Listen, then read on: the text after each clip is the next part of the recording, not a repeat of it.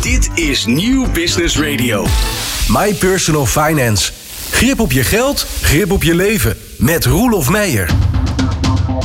Een hele goede middag, hartelijk welkom. Het thema van deze uitzending wordt 2023 een kopie of een spiegelbeeld van 2022. Mijn gasten vandaag Willem Johannesma van Oak Capital Partners, Marcel Spy van het Instituut voor Bedrijfsovername, Judith Scherberg van My Personal Finance en we hebben de vaste rubriek Vermogensoverdracht met Raymond Mars van de Stichting Register Executeur. Ja, Willem, ik begin even bij jou. Jij hebt het thema bedacht, hè?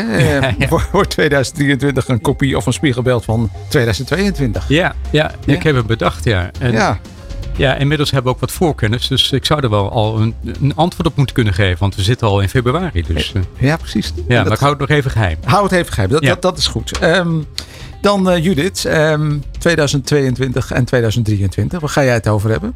Ik ga het hebben over de gebruikelijke loonregeling van de DGA die grofstoffelijk is aangepast. Grofstoffelijk, oké, dat doet mij denken aan Toonder. Ja, Maarten. ja, ja, Ja. daar ben ik ook wel een fan van, moet ik zeggen. Oké, en dan eh Raymond Mars, eh, wat wordt jouw onderwerp? Ja, nou ja, als je in 2022 overlijdt, dan doe je het in 2023 niet nog een keer natuurlijk.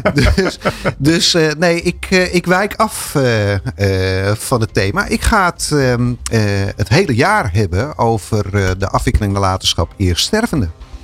Kijk eens aan. En, en ook bescherming natuurlijk van de nabestaanden. Eh, bescherming langs levenden, dat Ja. zijn de, de, de, de daarmee samenhangende thema's. Du- du- dus het is een, een, een- ja, een hele cliffhanger voor heel 2023. Klopt. Ja, En ik raad mensen ook inderdaad aan om het hele jaar te blijven luisteren. het lijkt me heel goed. Goed, blijf vooral luisteren. Dus ook naar deze uitzending. Je krijgt zo dadelijk inzicht in hoe je naar je beleggingen kunt kijken in 2023. Want dat is een beetje de knipoog naar Willem. Wat mag je verwachten van bedrijfsovernames? Ik eh, bel zo met eh, Marcel Spy. Hoe je als DGA optimaal met je eigen financiële planning omgaat. Gebruikelijk loon bijvoorbeeld. En hoe de langslevende het best kan worden beschermd. My Personal Finance. Grip op je geld, grip op je leven. Met Roelof Meijer. Ja, Willem Johannesma, wordt 2023 een kopie of een spiegelbeeld van 2022? Hoe zit dat met de financiële markten? Willem Johannesma, ook Capital Partners. Ja, Willem, nou, we zeiden het al, je hebt het eh, thema bedacht. Ja. Eh, cliffhanger van, nou, daar ga ik het straks over hebben. Dat straks is nu. Dat straks is nu. Ja. ja. Ja, dus, dus wordt 2023 een kopie of een spiegelbeeld van 2022? Ja, ja, wie het weet mag het zeggen natuurlijk. Maar we zijn al een maand onderweg, ruim. Ja. En we zitten al in februari. Ja. Dus ehm, vooralsnog is eh, 2023 echt een spiegelbeeld van 2022 als ik kijk naar de financiële markten. In welk opzicht is dat dan? Nou, als ik kijk naar de rendementen in januari, die waren geweldig al. Dus we hebben in ieder geval al een heel positief beeld gehad als beleggers eh, in 2023 ten opzichte van vorig jaar. Ik geloof dat eh, de Europese aandelen zijn ongeveer met ruim 6% gestegen en de Nasdaq, de technologie-index, is bijvoorbeeld met 11% gestegen. En dat is de beste januari maand sinds 2001. Dus dat, dat, eh, het is ook, eh, nou, dan hebben we ook nog een dalende rente. Eh, en dan heb ik het nog ineens over de echt speculatieve activa, zoals die crypto's en, en meme stocks, die zijn in sommige gevallen wel weer verdubbeld. Dus er zat heel veel positivi- positiviteit onder beleggers. Dus ja, de korte termijn lijkt het wel alsof het een spiegelbeeld is. De vraag is, zijn we niet te hard vooruitgelopen op, dat, op datgene wat nog komen gaat? Ja, eerst, eerst stelt zelf de vraag al. Ja, ja. nou ja, dan, kijk, voorop, wij hebben geen ehm, duidelijke mening of visie over wat nou precies financiële markten op korte termijn gaan doen. Dat is ook zinloos, want ja, met, met alle respect, het blijkt toch achteraf dat eh, dat, dat eh, eh, niet heel veel waarde toevoegt. En als je erop te veel op gaat acteren, dan blijkt ook ja, dat je te veel met de korte termijn bezig bent. Want het leidt tot heel veel ruis in datgene wat je aan het doen bent. Want meestal heb je beleggingshorizon van vele jaren, zo niet decennia. En dan is een jaar 2022 of 2023 een plus of een min is dan helemaal niet bepalend voor je eindrendement. Dus je moet er niet te veel door laten leiden. Maar tegelijkertijd, je leeft in het hier en nu. En je wil natuurlijk toch wel enigszins houvast hebben. En wij reageren meer op datgene wat er in het verleden gebeurd is, dan nou precies te gaan voorspellen wat er nu gebeurt. Dus kijk, we weten dat de beurs nu gestegen is omdat ze denken dat de beleggers denken dat de rente weer gaat dalen.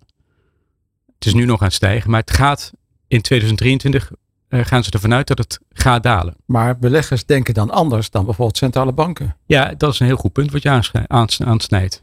Dus de centrale bankiers, dus uh, de ECB en de Federal Reserve, voorop, die zeggen allemaal, dus Jerome Powell, bij monden van Jerome Powell en uh, Christine Lagarde, van uh, let op, de rente gaat nog verder omhoog. De korte rente. En daarmee misschien ook wel de lange rente. Maar in ieder geval de korte rente gaat nog verder omhoog. Met minimaal twee keer nog uh, gaan ze de rente nog verhogen, hebben ze al gezegd. En de laatste cijfers die uit Amerika kwamen over de economie gaven ook aan dat de economie niet afkoelt. Inflatie is wel aan dalen. Dat zou een soort perfect scenario zijn. De inflatie daalt en de economie gaat niet afkoelen. Maar de beleggers hebben eigenlijk al een voorschot genomen eigenlijk op die periode daarna. Dus na de zomer en het najaar van 2023, dan gaat de rente weer hard omlaag. Dus dat is in termijnen denken. Dus je zegt centrale banken die denken meer zeg maar een half jaar vooruit en beleggers misschien wel een jaar vooruit. Ja, die nemen al een voorschot op de toekomst van zes maanden plus. Ja, ja dat is wat ze doen. Dus, en dat kan, dat, dat kan terecht zijn, een soort wisdom of the crowd. En dan uiteindelijk blijkt dat ook waarheid te zijn. Maar de kans is nu wel aanwezig dat er toch echt wel iets te veel optimisme in is geslopen. Want ja, als die rente niet gaat dalen en de, de winsten van de bedrijven vooral, die gaan wel dalen. Ja, dan krijg je toch ergens wel dat er te veel voorschot is genomen op de, op die toekomst. Want, want hoe ga jij daar nou als vermogensbeheerder mee om?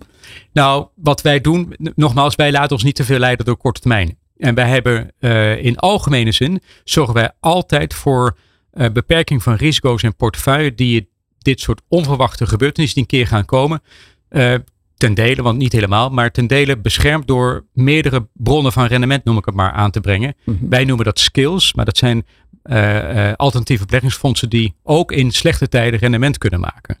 En daarmee heb je ook niet zo die glazen bol nodig, die toch zinloos blijkt te zijn. Uh, en kun je veel meer vertrouwen op die lange termijn bewegingen. En de korte termijn die worden wat afgeremd, laat zeggen naar boven en naar beneden door die skills. Maar goed, je hebt toch met die termijnen te maken. Hè? Want ja. Met, uh, ja, je zegt beleggers die zijn positief, dalende energieprijzen, allemaal dat soort zaken die dan meespelen. Je belegt voor een half jaar, maar je belegt ook voor een jaar. Je belegt ook nog voor langer. Ja. Hoe, hoe maak je dan die keuzes?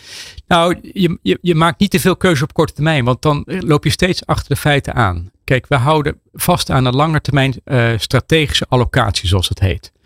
En de korte termijn bewegingen, de, met name aan de rentekant, zijn we wel actiever. Mm -hmm. Want die rentekant, dat is een, ja, die is um, lastiger uh, daar de markt te volgen. Want aandelenmarkten kun je de index volgen. Maar obligaties is dat toch wat lastiger. Dan moet je ook kijken naar het risicoprofiel van klanten.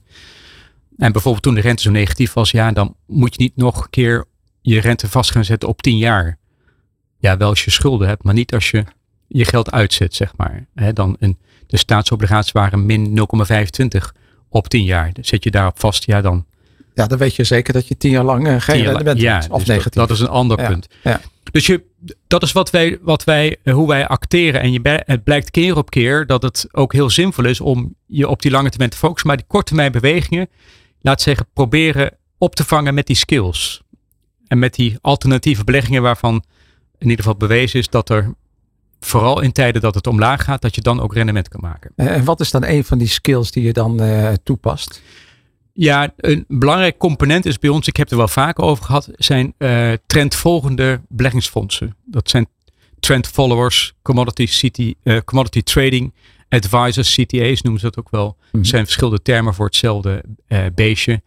En dan volg je eigenlijk de prijstrends, de koerstrends omhoog of omlaag. En dat laatste is natuurlijk heel prettig, want dat betekent dat je in, in dalende markten ga je short posities innemen en kun je dus ook profiteren van een dalende uh, prijstrend. Ja, je kunt verdienen aan, aan een daling. Ja, daar komt ja, het op ja, neer. Ja, ja, dat zijn mathematische fondsen. Dat is niet een, een, een, inschatting van, goh, zou de markt nu komende week gaan stijgen of gaan dalen? Dat is puur eigenlijk in de achteruitkijkspiegel.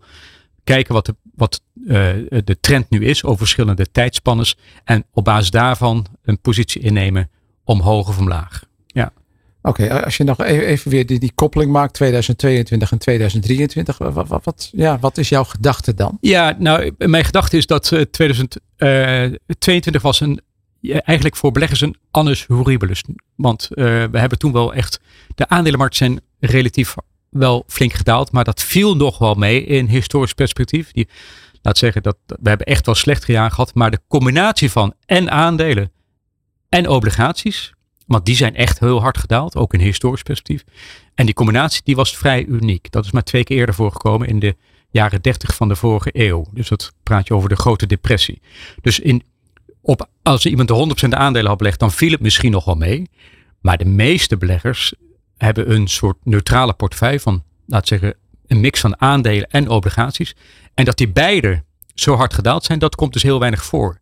Nou, dat is een. Dus die, daarmee zou je kunnen zeggen dat 2022 een kopie, of 2023 een kopie wordt van 2022. Die kans is, ja, statistisch gezien niet groot, want de keer dat het allebei zo daalt, ja, dat, dat is toch ook wel een, een redelijk uitzonderlijk.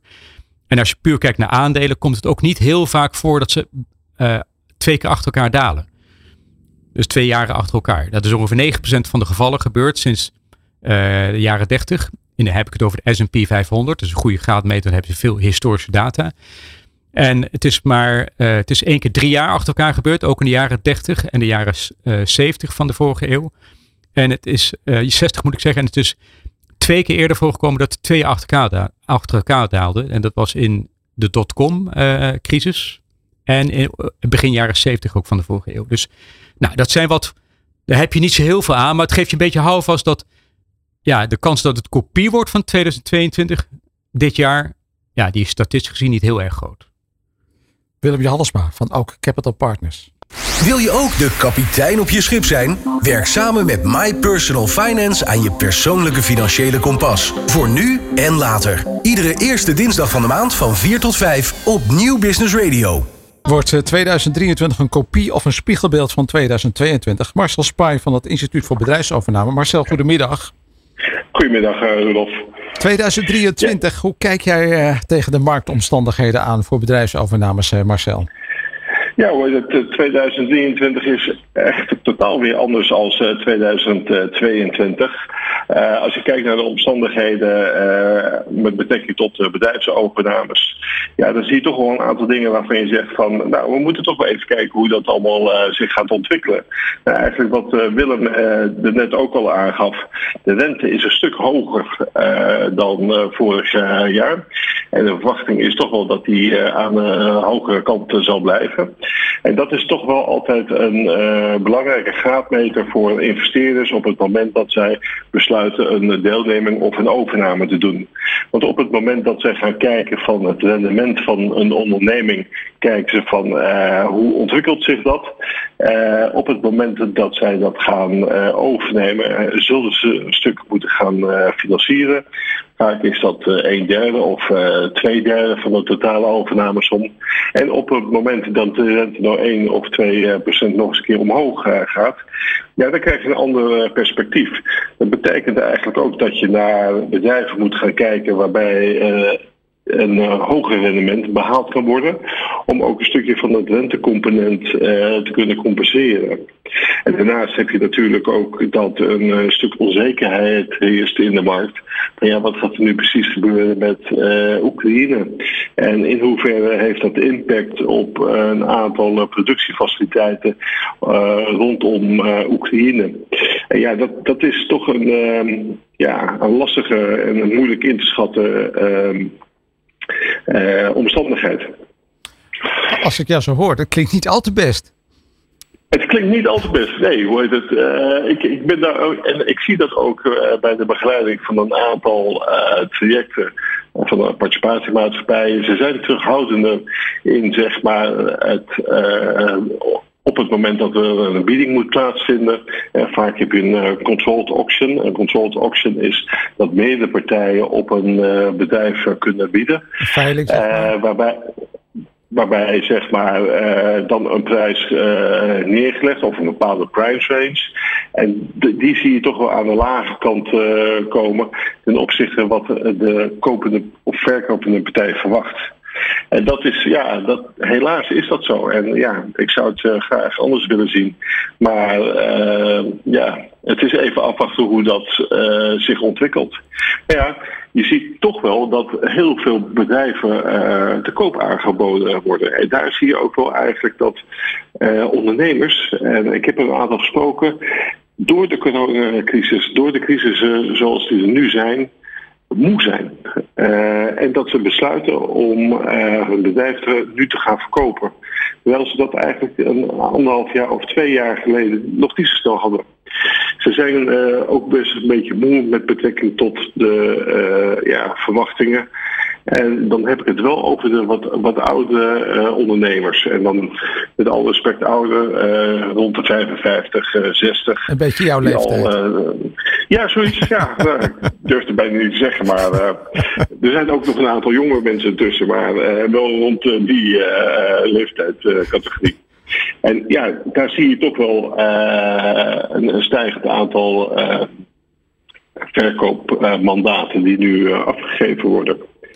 Ja, dat is iets, uh, daar hebben we mee te dealen. Maar op het moment dat je besluit om je bedrijfsoverdag te gaan doen, dan is het van belang dat je uh, je goed voorbereidt. Uh, dat je ook niet zeg maar de hoofdprijs verwacht. Mhm. maar dat je gewoon een goede conservatieve waardering van je bedrijf maakt. waarbij je zeg maar normale omzetgroei laat zien. En waarbij je ook een normale kostenstructuur uh, ziet. Waarbij je ook rekening houdt met de hogere kosten die je niet altijd door kan berekenen. En op het moment dat je dat zeg maar op een goede manier doet en daar ook de tijd voor neemt. vaak zie je dat in zo'n verkoopproces, als je eenmaal begint, dat je daar toch wel twee of drie maanden bezig bent. Om dat gewoon goed in te zetten, een goed information memorandum te maken. En dan de markt in te gaan. Uh, vaak zie je dat de doorlooptijd van vijf, zes maanden, die zijn nu wat langer, omdat mensen toch wat terughoudender zijn. Mm -hmm.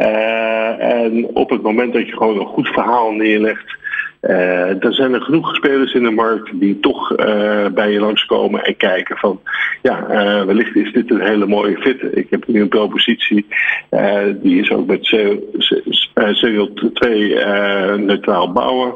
Nou, als je ziet hoeveel appetite en interesse daarvoor is, dat geeft de burger weer moed. En kan je inderdaad wel spreken dat 2023 een goed jaar zou kunnen worden. Nou ja, Marcel, daar kan ik eigenlijk niks aan toevoegen. Het is een geweldig verhaal. Dit, dit geeft de burger weer moed. Ja, nee, absoluut. Hoe heet het? Uh, dus ik zou ook altijd zeggen van uh, ja, goede voorbereiding. Uh, positioneer je gewoon goed. En vraag niet de hoofdprijs, om het zo maar te zeggen, maar gewoon een reële goede prijs. En laat ook mensen vaak uit uh, uh, een bieding doen uh, zonder dat je een vraagprijs hebt. Dan zie je vaak dat er best wel grote verschillen in zitten van wat mensen bieden. Althans wat participatiemaatschappijen of andere kopers bieden. Mhm. En ja, op het moment dat een uh, bieder bij zit die bereid is iets hoger te betalen, dan halen we er zelf uit en dan heb je een goede prijs. Dus het is een mooie tip voor jou om, om ook, ook gewoon te laten bieden. Want vaak zeg je van nou ja, ik moet, moet gewoon een vraagprijs betalen, maar het is de andere kant ja. op.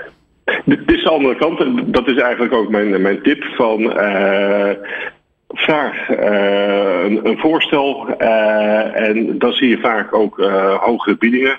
En trap niet in de bekende valkuil dat, en dat zie je bij een hoop overnameadviseurs, die geven je een bepaalde prijs van dat ga je krijgen. En dat is outrageous en uh, niet marktconform. En daar zie je wel dat een aantal partijen in tappen. Okay. Maar doe dat dus niet. Wees uh, verstandig en denk goed na. Marcel Spaai van het Instituut voor Bedrijfsovername. My Personal Finance. Jouw financiële gids. Iedere eerste dinsdag van de maand van 4 tot 5 op Nieuw Business Radio. Slimme geldtips voor ondernemers. Grip op je geld, grip op je leven. En zo dadelijk gaan we het hebben over de DGA en met name het gebruikelijk loon. Wil je ook de kapitein op je schip zijn? Werk samen met My Personal Finance aan je persoonlijke financiële kompas. Voor nu en later. Iedere eerste dinsdag van de maand van 4 tot 5 op Nieuw Business Radio. We gaan het hebben over de DGA, de directeur groot aandeelhouder. En dan ja, de, de vraag weer, het wordt 2023 een spiegelbeeld of een kopie van 2022. Uh, Judith Scherberg, My Personal Finance, uh, de DGA en 2023. Er gaat wel wat gebeuren, of er is al wat gebeurd eigenlijk. Hè? Ja, de wetgever blijft elke keer weer doorgaan en uh, past natuurlijk ook uh, de, de fiscaliteit weer aan. En dat geldt ook zeker voor de DGA, want die is dit jaar wel extra aangepakt, om het zo maar te zeggen. Ja, ja wat, wat, wat, wat moet hij allemaal doorstaan? Nou, kijk, een, een, een directeur groot aandeelhouder die moest al uh, een, een gebruikelijk loon ontvangen. Hè? Dat is al een behoorlijk aantal jaren. Ja. En dat was van oorsprong omdat uh, DGA's ook zichzelf geen salaris konden uitbetalen. En dan alleen dividend konden ontvangen en daardoor de loonbelasting konden ontlopen. En dus eigenlijk goedkoper uit waren. En daarmee inderdaad goedkoper ja, uit waren. Ja, precies. Nou, dat vond de Belastingdienst niet zo'n goed idee. Dus dat hebben ze op enig moment aangepast. En hebben ze gezegd, nou, we beginnen eens een keer met een salaris van 39.000 euro. Dat moet je altijd ontvangen. En als je het niet uitkeert aan jezelf, moet je lekker zelf weten. Maar je moet er wel loonbelasting over betalen.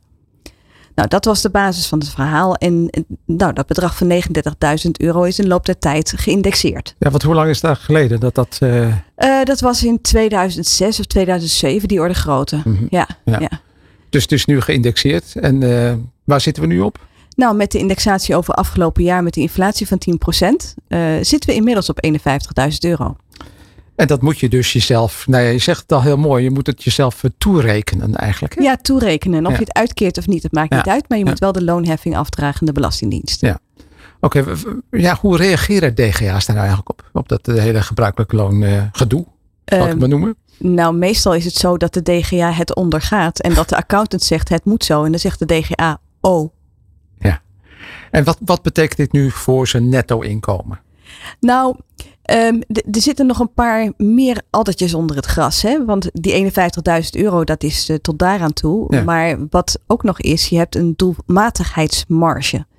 En heerlijk, een, heerlijk woord is dat. Ja, dat is een heerlijk woord. Hè? Om ja. uit te spreken denk ik ook van, ach ja, kan het vager? Ja. Um, maar uh, oorspronkelijk was dat ook wel weer, om maar even toe te lichten waar, wat daarmee bedoeld wordt. Uh, oorspronkelijk was het, daar, uh, was het ook bedoeld voor nou, andere lasten die je hebt als werkgever. Een pensioenlast, een auto, dat soort zaken die, die een DGA natuurlijk ook heeft. Die kon die altijd een beetje bij zijn salaris rekenen. Mm -hmm. En uiteindelijk hebben ze dat via uh, allerlei ehm, regelingen met de Belastingdienst hebben ze dat vastgesteld op 25 procent. Dus als je kijkt naar iemand die in loondienst is en die verdient in de gebruikelijke dienst uh, bijvoorbeeld 80.000 euro, mm -hmm. dan mocht de DGA 75% van die 80.000 euro verdienen, dus zeg maar even 60.000 euro. En de rest was dan allemaal kosten. En dan had hij uiteindelijk dezelfde beloning als een werknemer. Want dat was een uitgangspunt voor de wetgever, dat ja. dat ongeveer hetzelfde was. Ja, klopt. Maar de DGA mocht ook niet minder verdienen dan de meest verdienende persoon in zijn onderneming. Dus had je een hele succesvolle salespersoon die twee ton verdiende. Jammer ja. dan. Ja, klopt. Ja. ja. En is er dan nog een verschil tussen een vast salaris en een bonus die je dan aan zo iemand uitkiest? Dat is dan een kwestie van onderhandelen met de Belastingdienst. Ja, precies. Ja. Ja. ja. Dus, Maar goed, dus, dus je kunt daarin dus uh, iemand niet veel meer gaan betalen dan jezelf. Dat is wel een belemmering. Dat is zeker een belemmering. Um, maar ja, dat is nou eenmaal wel wat er nu is uh, vastgelegd in, in de richtlijnen van de Belastingdienst. Ja. Dus je kunt wel zeggen van ik ga het anders doen, maar ja, je hebt er gewoon mee te maken. En, en in de beroepsgroep een vergelijkbare functie, dat telt natuurlijk ook nog mee. Uh, ja, zeker. Nou ja, bijvoorbeeld, ik heb uh, recent een vergelijking gemaakt voor een, een DGA die dan uh, specialist is in een ziekenhuis. En dan kan je natuurlijk redelijk goed een vergelijking maken van wat verdient de specialist in, in loondienst en wat moet jij verdienen in je BV. Mm -hmm. Nou, stel dat dat op anderhalve ton ligt, hè, een, een specialist in loondienst. Um, nou ja, dan moet dus die, die specialist in zijn BV ook die anderhalve ton verdienen. Dat was dus tot 2023 75 procent van die anderhalve ton. Mm -hmm. En hij moet nu 100 procent verdienen. Oftewel, gewoon anderhalve ton aan salaris krijgen. En hoe zit het dan met die kosten die je net uitlegde, die 25 procent? Nou ja, die komen er bovenop. En, en is daarmee dan niet de verhouding werknemer en DGA helemaal scheef getrokken? Nou, een werknemer, als je kijkt naar het salaris, krijgt natuurlijk ook extra beloningen in veel gevallen in de vorm van pensioen of auto of dat soort zaken. Dus Mhm. mm -hmm. ja, dat dat verschil een beetje verdwijnt is wel te begrijpen. Alleen het betekent dat de financiële besteding en de vrijheid daarin voor de DGA veel minder groot wordt. Dus dat betekent nu, dus die doelmatigheidspercentage, dat, dat is nu, nu 100%. Dus vergelijkbare functies, 150.000 wat je zegt, dat wordt ook 150.000. Uh, als iemand in het bedrijf 150 verdient, dan moet je je als DGA ook 150 toekennen. Ja. Ja. Uh, is er nog een of andere escape? Is er nog een of andere escape? Uh, nou ja, um, tuurlijk, je kan een ruling maken met de Belastingdienst dat het anders wordt.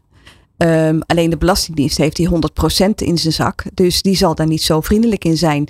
Uh, er zijn heel wat bedrijven, zeker grotere ondernemingen met, met grootverdieners, die afspraken hebben met de Belastingdienst.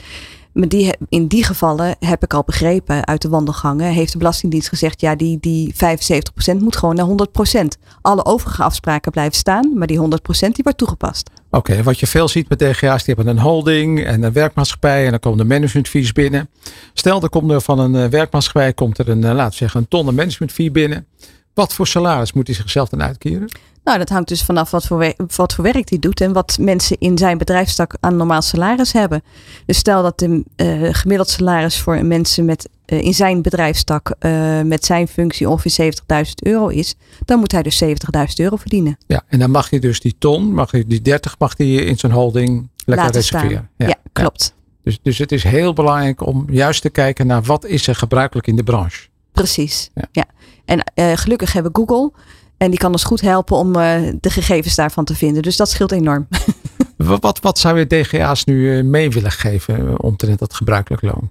Um, nou, kijk, um, wat nog wel zinnig is, let erop dat je dan niet meer gaat uitkeren dan die 100%. Want hetgeen wat er bovenuit zit, daar kun je wel degelijk wat mee spelen. Want er is nog een wijziging, althans niet voor 2023, maar voor 2024. Mm -hmm. Als je geld uit je BV haalt, dan moet je, heb je daar al vennootschapsbelasting over betaald. En daarna krijg je, als je het naar privé haalt, in de vorm van dividend, moet je de aanmerkelijk belangbelasting over betalen. Nou, de aanmerkelijk belangbelasting is in dit jaar 26,9 procent. Mm -hmm. En die wordt volgend jaar tot aan een uitkering van 67.000 euro, wordt die 24,5 procent. Dus het wordt volgend jaar goedkoper om geld uit de BV te halen als je maar onder die maximumbedragen blijft van die eerste schijf. Nou, als je dus goed plant, dan kun je dus voor zorgen dat je uiteindelijk minder gaat betalen dan je nu betaalt. Kortom, je moet dus niet alleen naar dit jaar kijken, maar ook naar volgend jaar en, en, en je cashflow planning daarop afstemmen. Ja, absoluut. Ja. Mooi. Nou goed, en, en dus heel sterk kijken naar en je salaris en dus het feit dat je dividend kunt uitkeren, maar ook de koppeling tussen vennootschapsbelasting, want dat speelt ook nog mee, en dus de inkomstenbelasting. Ja, ja, en als je het zelf niet kunt uitrekenen, neem dan iemand in de arm. Ik had het niet durven vragen. Judith Scherberg, My Personal Finance. Wil je ook de kapitein op je schip zijn? Werk samen met My Personal Finance aan je persoonlijke financiële kompas. Voor nu en later. Iedere eerste dinsdag van de maand van 4 tot 5 op Nieuw Business Radio. Fijn dat je luistert naar uh, New Business Radio en naar My Personal Finance. Uh, Raymond Mars, je zei het net al, van dit, dit wordt uh, een van een, een, serie van een heel jaar. Geweldig, Zeker. geweldig. Zeker, ja. ja we, en we gaan het hebben over de bescherming van de nabestaanden. Uh, ja, waarom juist dat onderwerp? Um, ja, nou, omdat eigenlijk de nabestaanden, ja, dat, dat, die term bestaat juridisch niet. Hè? Oké, okay, welke term bestaat wel? Nou, de nabestaanden is iedereen die, die achterblijft. Ja, en, en, en hier hebben we het natuurlijk over uh, een wat specifiekere categorie. We hebben het hier over de langslevende. Ja, oké. Okay. Dat is de overlevende in een relatie in de verhouding tot, uh, tot kindererfgenamen. Dus dat, wat, wat vooral het doel is over dit jaar, dat is dat we stapsgewijs het steeds gaan hebben over de langslevende bescherming. En het nut van het afwikkelen van de nalatenschap eerst stervende. Oké. Okay. En je hebt weer uh, een mooie stel. Uh, ja, we hebben, een, we, hebben, we hebben een, een standaard voorbeeld. wat we steeds terug laten komen. We hebben Henk en Marleen. En die komen het hele jaar voorbij. Die komen het hele jaar voorbij. En die hebben ook drie kinderen. En dat is Gerda, Katja en Tanja. Oké, okay, die gaan we leren kennen. Zeker. Oké. Okay. Nou ja, Waarom gaan we dit onderwerp nu, uh, nu juist uh, oppakken? Dat heeft uh, twee redenen. De ene ga ik nu vertellen, die andere ga ik zo meteen vertellen. Omdat het namelijk het niet volledig afwikkelen van de eerststervende ontzettend doorwerkt bij de afwikkeling van de nalatenschap van de laatstlevende. Want dan komen die gebreken bij het niet afwikkelen van die eerste, die komen dan aan het licht. En uh, dat kunnen fiscale gebreken zijn, maar dat kunnen ook vermogensrechtelijke gebreken zijn. En het vervelende is dat ze zijn of heel moeilijk te reconstrueren, of nauwelijks of niet te herstellen. Oké, okay, dan stel ik je even een dubbele vraag. Dat moet eigenlijk niet. Maar goed, waarom ontstaan die gebreken en wat zijn die gebreken? Nou, laten we eerst beginnen met het waarom. En dan gaan we door het jaar heen steeds op de gevolgen erop Oké. terugkomen. Prima. Het, het waarom. Nou, het meest hardnekkige campingwijsheid, hè, dat begrip al eens verder eh, eh, uitgediept, is dat de langslevende per definitie alles erft. En als we teruggaan naar het voorbeeld, Henk overlijdt. En dan is de veronderstelling dat Marleen altijd alles erft. En dat is dus niet zo. Nee, dat is niet zo. Want het enige altijd voor juristen is dat we eerst de feiten vaststellen voordat je een rechtspositie beoordeelt. Nou, daarnaast is het in de duizenden jaren geschiedenis, want zo oud is het erfrecht, want er gaan namelijk al heel lang mensen dood. Dus dat er iets voor geregeld moest worden, dat is eh, Ja. eh, altijd nog, nog nooit zo geweest dat de langslevende altijd alles erft. En in het voorbeeld is het tussen Henk en Marleen kennelijk een relatie. Maar tussen de kinderen en hun ouders is die bloedverwantschap zonder meer aanwezig. En al sinds de Romeinen, want ons recht stamt uit het oorspronkelijke Romeinse recht, ehm, is bloedverwantschap het uitgangspunt voor het erfrecht. Hè, het behoud van familievermogen. Mhm. Nou, en tussen Henk en Marleen is die bloedverwantschap er niet. Als er tussen Henk en Marleen geen sprake is van een huwelijk of een geregistreerd partnerschap, dan is er ook geen formele relatie tussen Henk en Marleen en zijn ze dus feitelijk niets van elkaar. Nou ja, niets. Er is geen familierechtelijke betrekking. Hè? Even de verwarring compleet maken. Fiscaal is er sprake van een gelijkstelling. Ja, maar de fiscaliteit volgt op het vermogensrecht. Ja. Hè? Als je niks krijgt, hoef je ook niks te belasten. Maar stel, ze hebben nou een samenlevingsovereenkomst. Wat dan? Nou, dan liggen de zaken niet wezenlijk anders. Want een samenlevingsovereenkomst is niets meer of minder dan een overeenkomst tussen twee partijen. die hun samenlevingsrelatie op de een of andere manier vormgeven. Hm. Je hebt ze in, in, in vele soorten en maten. En Mhm. er ontstaat in ieder geval geen familierechtelijke betrekking. Dus het is zaak om in het geval van Henk en Marleen te onderzoeken of er tussen hen een familierechtelijke betrekking bestaat. Wat ik wil zeggen is dat er tussen Henk en Marleen kennelijk een relatie bestond en Henk overleeft. Hier niet zonder meer sprake is van een erfrechtelijke verhouding tussen Marleen en Henk. Mhm. En want als ze niets van elkaar zijn, dan zijn ze ook niet hun erfgenamen van elkaar. In ieder geval niet op grond van de wet. Oké, en ehm, dan is het, eh, heb je ook aangegeven dat eh, tot 1923, nu 100 jaar geleden, het, het heel anders was. Ja, want dat is de reden waarom ik dit jaar uitroep tot het jaar van de eerststervende. Omdat het namelijk eh, precies 100 jaar terug is dat ehm, eh, de, de gehuwde partner, dat die tot de kring van erfgenamen behoort. En daarvoor was het dus niet Daarvoor zo. was het niet zo. Nee. Daarvoor was het zo dat ehm, eh, het erfrecht zo in elkaar zat dat er alleen sprake was van vererving over bloedverwantschap. En dan krijg je dus de term kindsdeel. Ja, nou en dat is nou juist het leuke. Ehm, eh, de, de term kindsdeel, ik hoor hem nog vaak voorbij komen. Ja, ik zie hem ook. ook vaak eh, nog, nog op internet en, eh, en dat soort dingen. Maar in feite bestaat hij niet. En dat gaan we uitdrukkelijk vieren het hele jaar lang. Sinds 1923 heeft hij in ieder geval zijn betekenis verloren. En wat ik me ook afvraag, dat is of die term ooit bestaan heeft in een juridische betekenis. Hmm. Maar sinds 1923 is het zeker onzin. Hmm. Want nou, reken maar eens mee. Eh, Henk en Marleen, die zijn gehuwd en die hebben drie kinderen. Als we kijken naar het wettelijk erfrecht en we kijken vanaf 1923, hoeveel erfgenamen zijn er geroepen tot een nalatenschap als Henk overlijdt? Vier, naar Ja, mijn idee. Inderdaad. Ja. Hoeveel kinderen zijn er? er zijn drie kinderen. Ja, En wat is het erfdeel volgens het wettelijk erfrecht? Dat, dat is dus ja, wat iedereen zegt, het kindsdeel. Ja, dat is een kwart. Dat is een Maar kwart. hoeveel kinderen zijn er? Ja. zijn er drie. Ja, dus het, dus het klopt niet. Het Dus het klopt niet. klopt niet. Dus Nee, met andere woorden, die term eh kindsdeel, die, is, die- is onzin. Ja, het is echt, echt onzin. Want mensen bedoelen daar willekeurige dingen mee. Bedoelen we daar de legitieme mee? Bedoelen we daar weet ik veel wat mee?